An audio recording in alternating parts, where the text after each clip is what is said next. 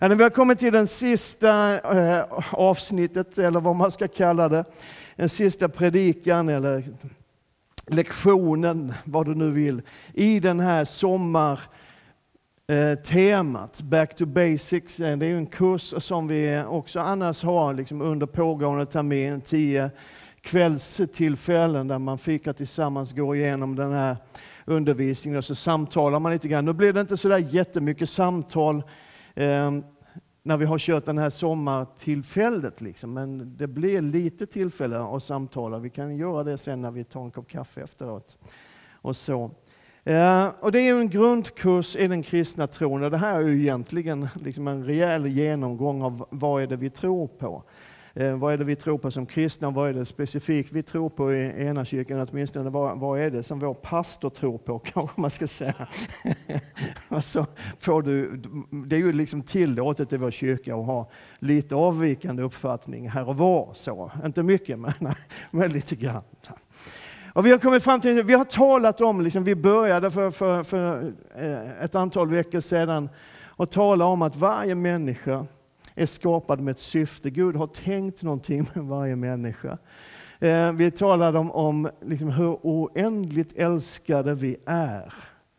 Liksom kraften i Guds kärlek, Guds villkorslösa kärlek. Gud älskar liksom, eh, utan att det finns någon anledning till det. Han bara, bara älskar därför att han är kärlek. Och så har vi talat om en massa olika saker. Och ikväll så ska vi tala om det eviga hoppet. Det är liksom vad alltihop går ut på. Var landar det här någonstans?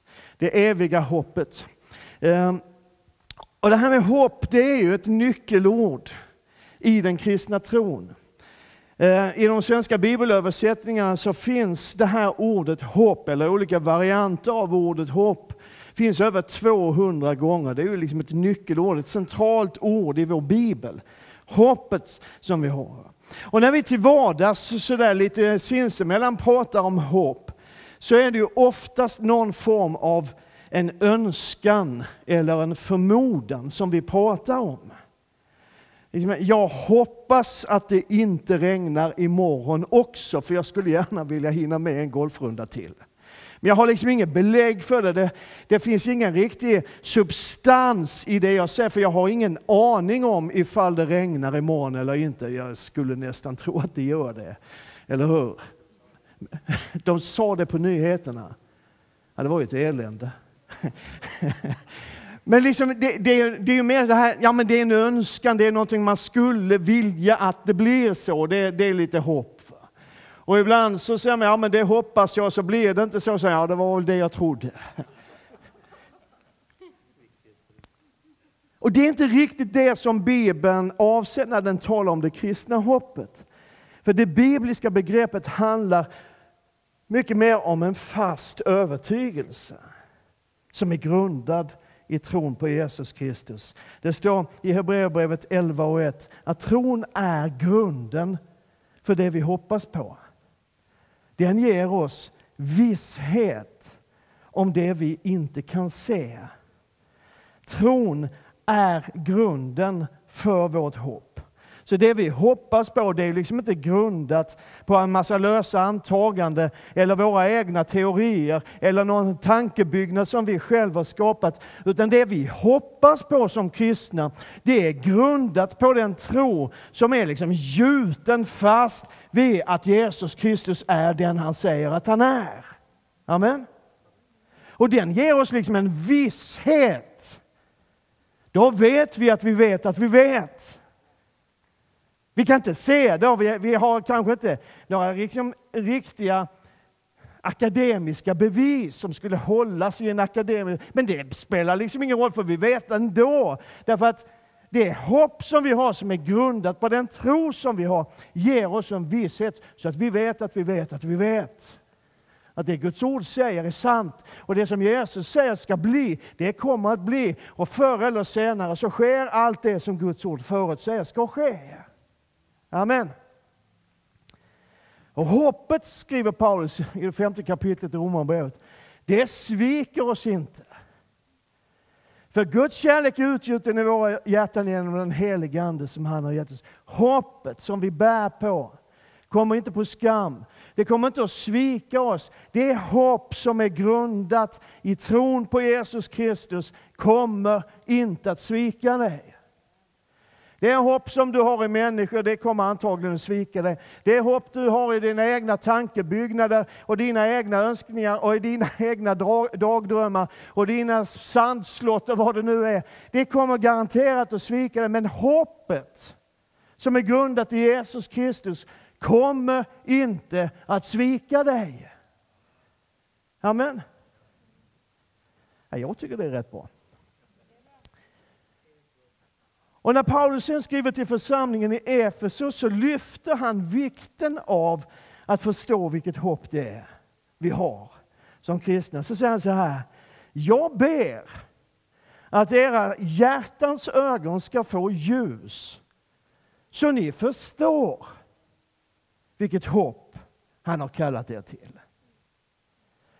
Hur rikt och härligt hans arv är bland de heliga hur oerhört stor hans makt är i oss som tror, därför att hans väldiga kraft har varit verksam. Wow!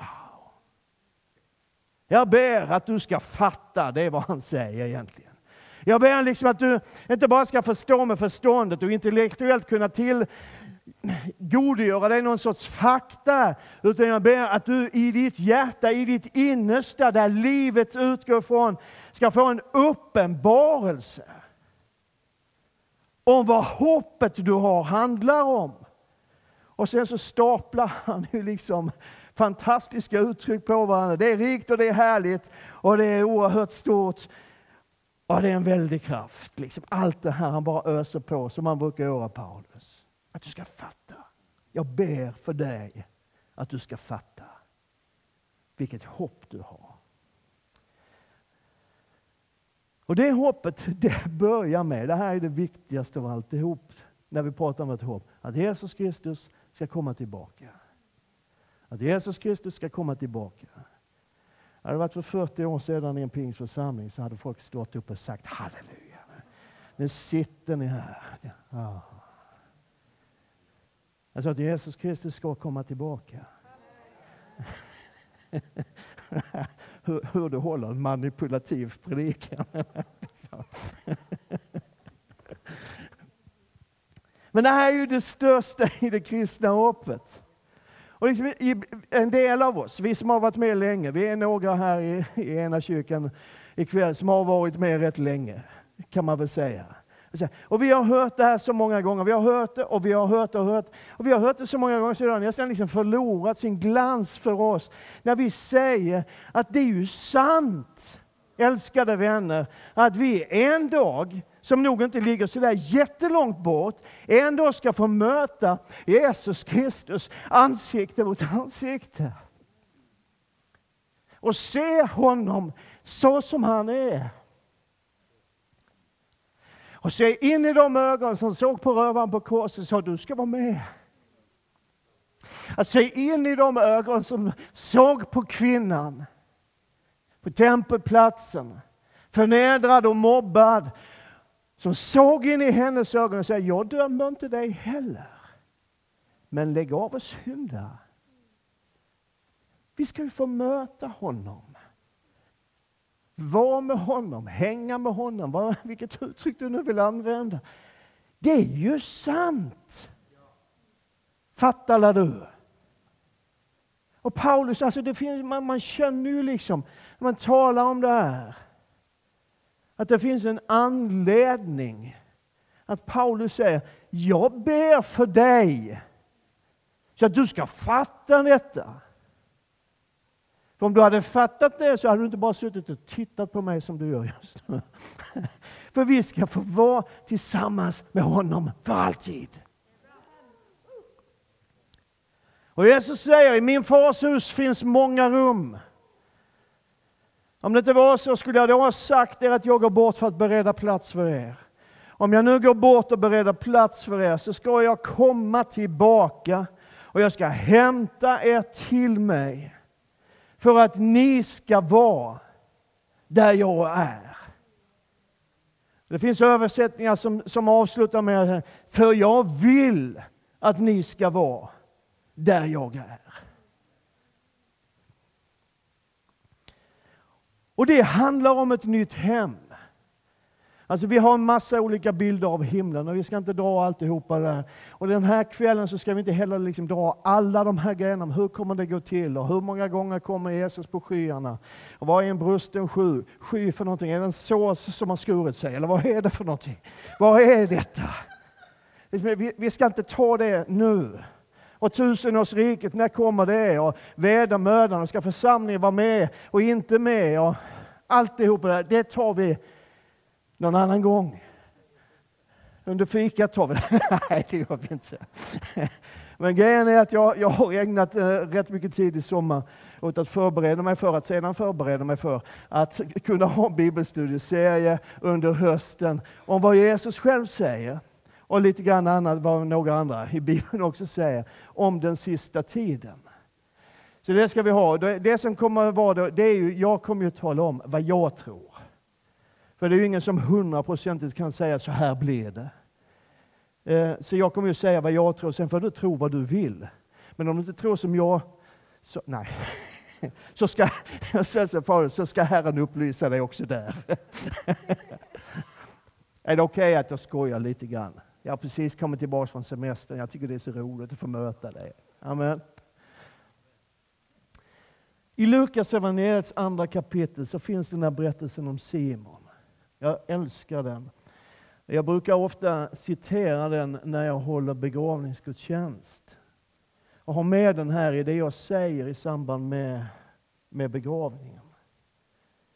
För Simon han var en äldre man som hade fått ett löfte från Gud. Han skulle inte dö förrän han fick se Messias. Och så berättar Lukas om den där dagen när Simon är i templet och Josef och Maria kommer dit med den ganska nyfödde Jesus. Och så får Simon hålla honom i famnen. Världens frälsare, bara det är ju liksom makalöst. Han som det judiska folket har väntat på i århundraden. Och sen när, när liksom Simon har fått hålla honom i famnen och välsigna honom och, och så, här, så ber Simon och så säger han så här. Herre, nu låter du din tjänare gå hem. Och jag älskar det uttrycket.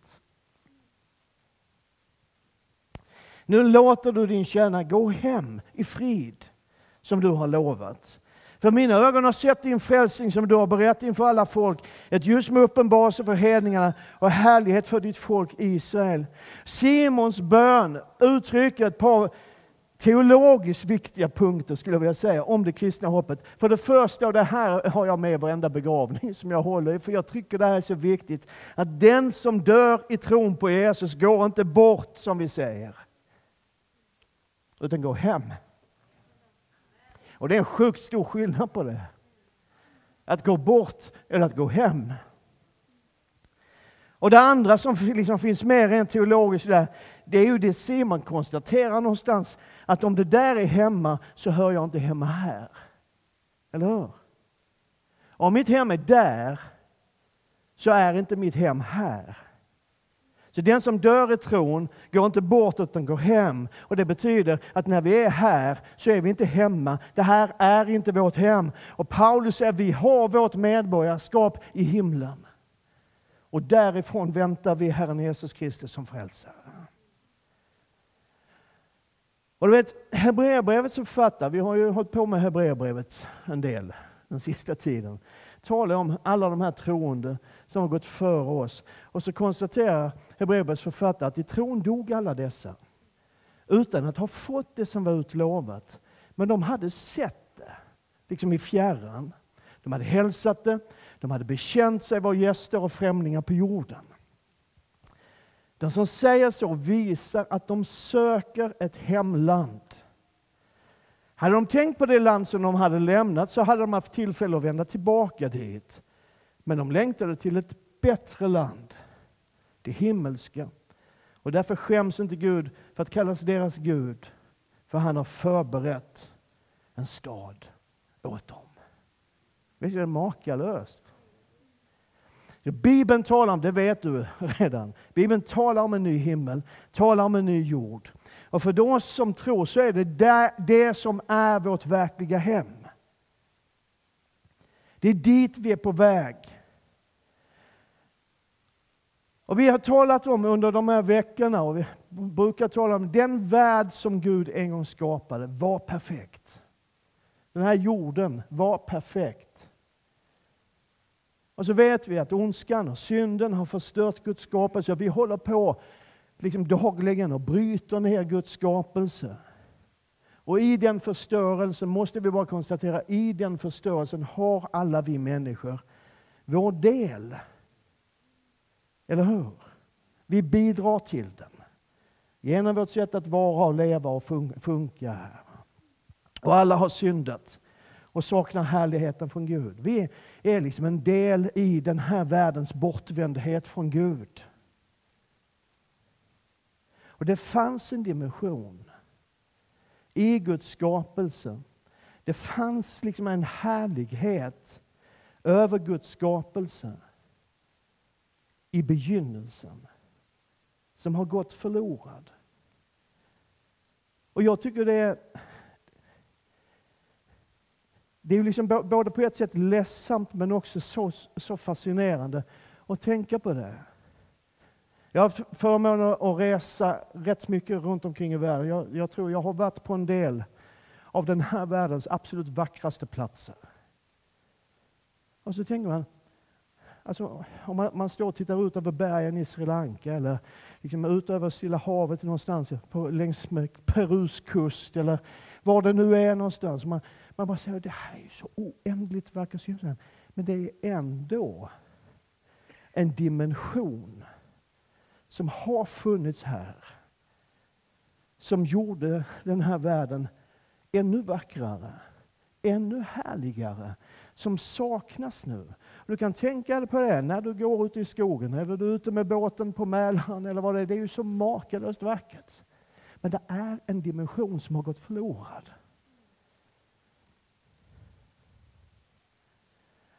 Men i den nya skapelsen, det som är vårt egentliga hem, så är allting återupprättat och återställt.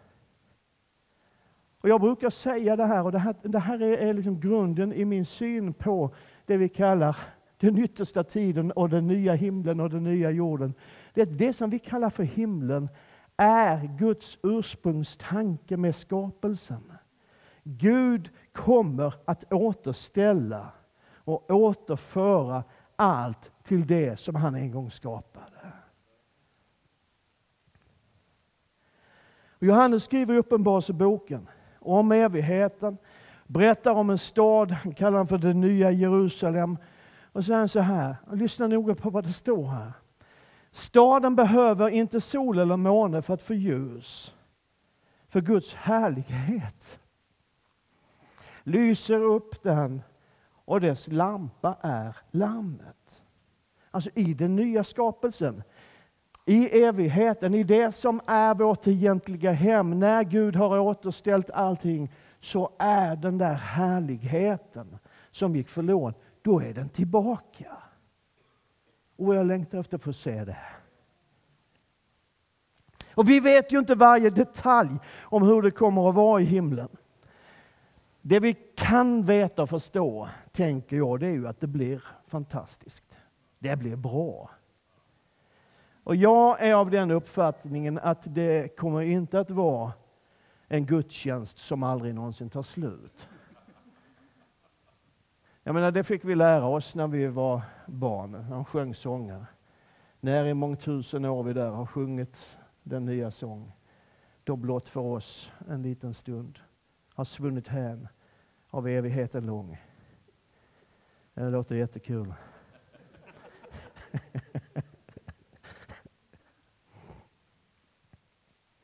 När Jesus talar om evigheten, jag tycker det här är så härligt. När Jesus talar om evigheten, när Jesus talar om himlen, så använder han liksom inte termer av, av en oändligt lång gudstjänst. Eller, eh, eller något sånt, utan han, han talar om, ja men det är en fest, det är glädje, det är ett bröllop, det är party. Det är vad Jesus säger. Det är de uttryck som Jesus använder. När han ska beskriva vad det blir i himlen så är det fest. Och det är ju inte vilken fest som helst. Om man tar en del av Jesu liknelser så handlar det om, ja men det är ju så många som inte ville vara med. Kommer ni ihåg det här? Jesus använder en liknelse. Han säger himmelriket är ungefär så här. Så berättar han om en, en som vill ställa till en fest. Och alla, en massa människor har en massa ursäkter. Så till slut så är det liksom, men gå ut liksom i orten och hämta folk på gatan. Så kör vi ett riktigt party. Eller hur? Det är ju liksom inte, det är inte en Nobelbankett. Det är en gatufest. Amen. Med helstekt gris och strutsfilé. ja.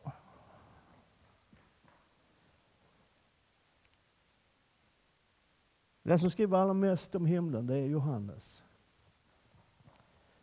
Och han är ju den av de bibliska författarna som liksom fick, tror jag, den djupaste inblicken i vad som ska komma.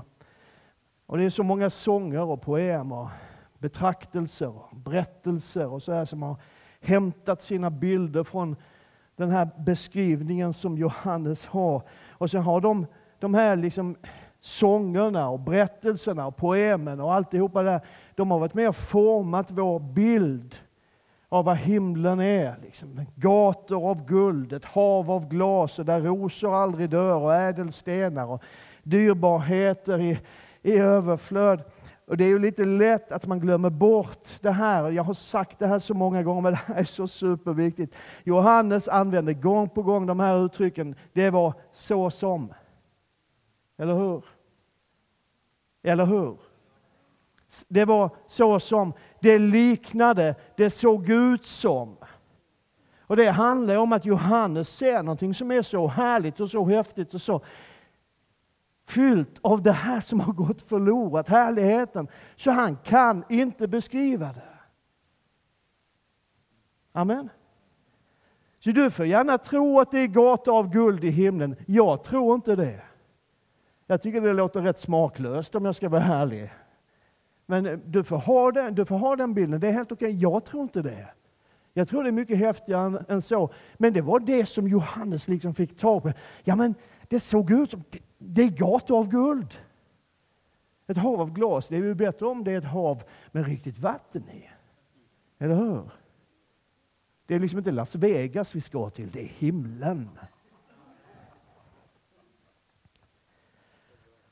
Och det här, det, det är ju liksom som, ja men det låter sig inte beskrivas och det stämmer ju rätt väl med vad Paulus talar om i första Korintierbrevet när han säger vad ögat inte har sett och örat inte hört om människans hjärta inte ens anat.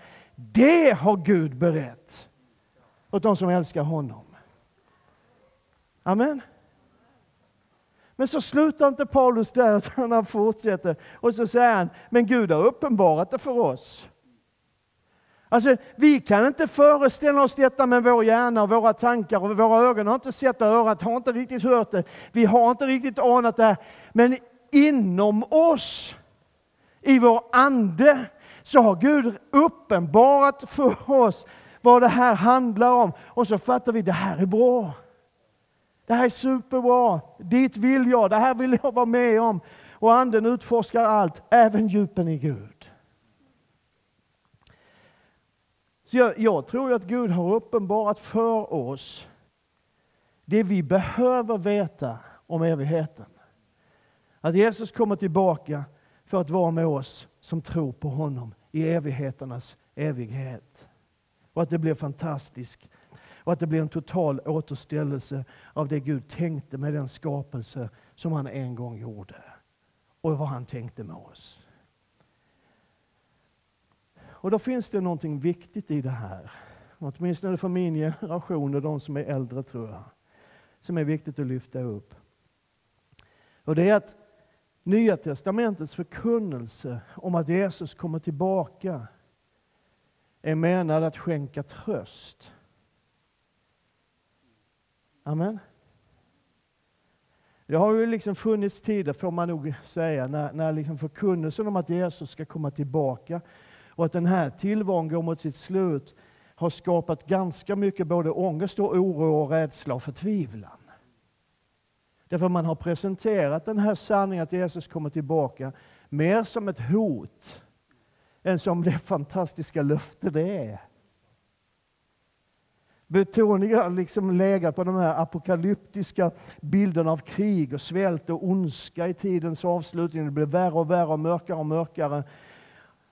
Och jag har hört och du har hört en och annan predikant, tror jag, om du är över 50 år så har du hört det här. Liksom, predikanter som har haft ett särskilt fokus på de här uttrycken, liksom som att se till att du inte blir lämnad kvar.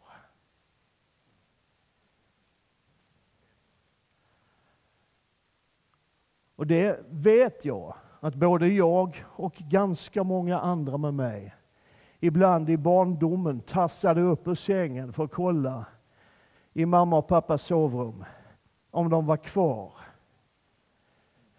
Eller tänk om Jesus hade kommit och ryckt bort dem och jag var lämnad kvar där. Det är inte syftet med Nya Testamentets undervisning om att Jesus kommer tillbaka. Att du ska vara rädd. Jag vet inte om ni såg en del av er vet. Jag har sett det här programmet som gick för någon vecka sedan nu om saliga sånger från Nashville. Eh, Peter Hallströms vittnesbörd eh, om hur trasig han var. De som känner Peter vet, han har talat om det här förut, att en av de grejer som gjorde att han bröt med kyrkan och faktiskt bröt med hela sin, sin kristna familj och släkt, handlade om den här skrämselpropagandan. Han skriver i en av sina sånger, eh, han har en, en skiva som heter Brev från en förlorad son, så skriver han, skriver han så här, jag vet att det är så många, jag själv och många med mig känner igen det i det här när han skriver eh, i den här brev från en förlorad son, alla nätter när jag grät, denna rädsla att bli lämnad kvar. Men Bibelns avsikt är inte att skapa rädsla. Jag vill bara säga det. Jag vill bara befria dig från det, för det handlar aldrig om det. Utan tvärtom, när den talar om Jesu återkomst och när Bibeln talar om himlen så är det för att ge tröst och framtidstro och hopp. Amen. Vi läste om hur Jesus talade med sina närmaste om sin återkomst i Johannes evangeliet. När han säger att i min faders hus det finns, det finns många rum. Där, och detta liksom. Det avsnittet inleds så här. Låt inte era hjärtan oroas. Låt inte era hjärtan oroas. Tro på Gud och tro på mig. Och Paulus skriver till församlingen i Thessaloniki om hur det kommer att bli när Jesus kommer tillbaka. Och så säger han, bröder vi vill att ni ska veta hur det blir med de som har insamlat så att ni inte sörjer som de andra som inte har något hopp. Och fortsätter, de som har dött i Kristus ska uppstå först och därefter ska vi som lever och är kvar ryckas upp bland skyar tillsammans med dem för att möta Herren i rymden. Så ska vi alltid vara hos Herren. Så kommer det här och det är det här jag är ute efter. Trösta därför varandra med dessa ord. Det står inte skräm skiten ur varandra med det. Ursäkta mig. Jag har haft semester, jag har blivit lite slapp. Men, men alltså, det här är inte avsett för att skrämmas. Det här är inte avsett för att, att du ska bli rädd. Det här är inte avsett för att du ska, ens ska bli orolig. Utan det här är bara avsett att trösta varandra. Vet, ni, när det är som allra mörkast, när det är som allra mest hopplöst, du vet när man hör rapporterna om miljöförstöring, när man hör rapporterna om gängvåld och skjutningar och kriminalitet och du hör alla de här rapporterna och krigen som aldrig tar slut och nya krig som uppstår och, och alltihop det här som vi liksom ständigt, ständigt matas med och så mitt i det ändå får höra budskapet, ja men det blir en ände på det här för Jesus kommer tillbaka. Det är hopp. Det är hoppet som vi har. Och det hoppet sviker oss inte. Allt som han har sagt och allt vad han har lovat kommer att ske förr eller senare.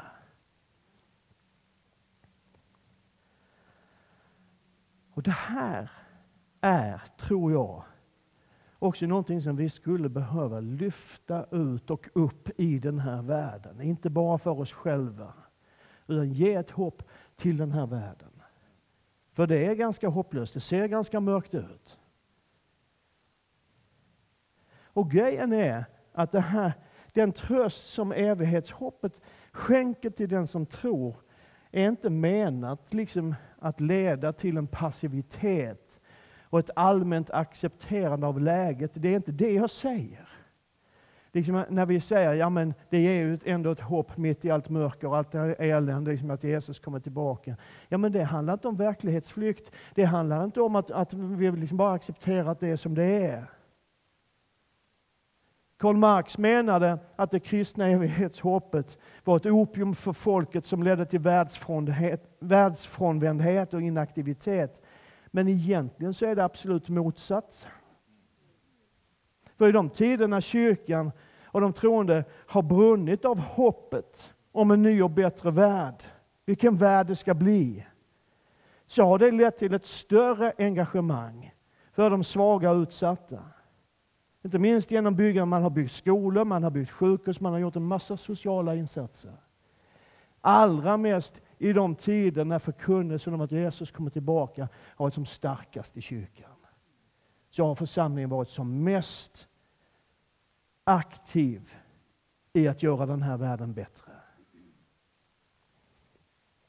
C.S. Lewis som är en av vår tids, eller ja, förra tidens stora tänkare menar att det är ju när kyrkan har tappat bort evighetshoppet och det perspektivet som den har blivit ineffektiv och världsfrånvänd. Man skriver så här, det kristna hoppet betyder inte att vi ska lämna den närvarande världen som den är. Om du studerar historien kommer du att finna att de kristna som har gjort mest för den närvarande världen är just de som har tänkt mest på den tillkommande världen. Amen. Hoppet om alltings återställelse, hoppet om en ny himmel och en ny jord är inte en verklighetsflykt, utan det är tänkt att vara en kraftinjektion. Vi tror att Jesus kommer tillbaka. Därför gör vi allt vad vi kan för att lindra nöden i den här världen. För att ge människor ett hopp. För att ge människor som svälter lite mat. För att göra den här världen till en bättre plats. Därför att vi tror att Jesus kommer tillbaka.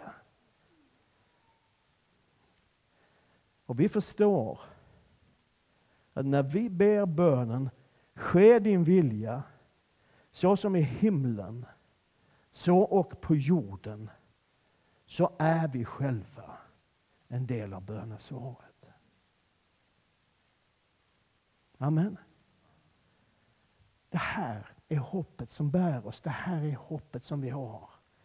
Att Jesus kommer tillbaka och den här världen kommer att bli det som Gud en gång tänkte att den skulle vara. Vilken värld det ska bli. Kan inte du sjunga den och göra? Nej. Hörrni, eh, om en stund, vi ska be lite och vi ska lovsjunga lite till. Och så, men, men, om en stund så, så, avslutar vi den här kvällen som vi har avslutat söndagskvällarna med, med fika. Har man med sig så delar man med sig till mig som inte har något. Eh, eller så här. Eh, men vi tar en stund och, och sådär. Det kan vara kul. Vi, vi brukar ha, ha ett par frågeställningar som vi skickar med när vi har den här Back to basic kursen. Och Det här kan man ju tänka sig att man pratar lite grann om, om man vill. Hur tänker du dig himlen? Och hur påverkar hoppet om himlen ditt liv här och nu? Det kan vara väldigt spännande att få höra lite grann. om. Vi ska be tillsammans nu och sen ska vi lovsjunga. Och jag tänker så här att, att när jag växte upp så var tanken om att Jesus skulle komma tillbaka, den var ganska skräckfylld, den tanken. Och liksom jag, jag levde, det är ju inte alla som har gjort det, men jag levde lite grann med den här tanken. Liksom, och, och, ja, alltså, har du obekänd synd när Jesus kommer, då är det kört. Liksom. Eller som min mamma ibland sa, tror du att Jesus kommer och hämtar dig på biografen? ja, det fanns ingen fördömelse på den tiden. Nej, men det finns, och jag vet att det finns människor som fortfarande, även om, om man liksom rent intellektuellt inser att så där är det ju inte. Det här är ju hopp, det här är ju glädje, det här är fest. så kan det liksom finnas grejer som, som fortfarande gör ont i det där. Då vill vi gärna be tillsammans med dig. Det finns liksom inget skamfullt i det. det är, vi är många som delar gemensamma erfarenheter av svensk frikyrklighet. Fantastiskt mycket underbart. Härligt. Livsförvandlande. Och så finns det ett och annat korn här och var som skaver lite grann hos en del av oss. Och det där kan vi väl be tillsammans för. Så att Gud får läka det. Så kan man liksom bara konstatera, ja det där var inte så bra men nu har jag gått vidare. Visst är det bra? Amen. Så när vi är i lovsång och sådär och du känner, jag att jag vill ha förbön, det behöver inte gälla det och det, det, spelar väl liksom ingen roll vad det är. Men så möts vi vid, vid korset. Det kommer finnas människor beredda att be för dig tillsammans med dig. Så tar vi en liten, liten stund inför Guds ansikte.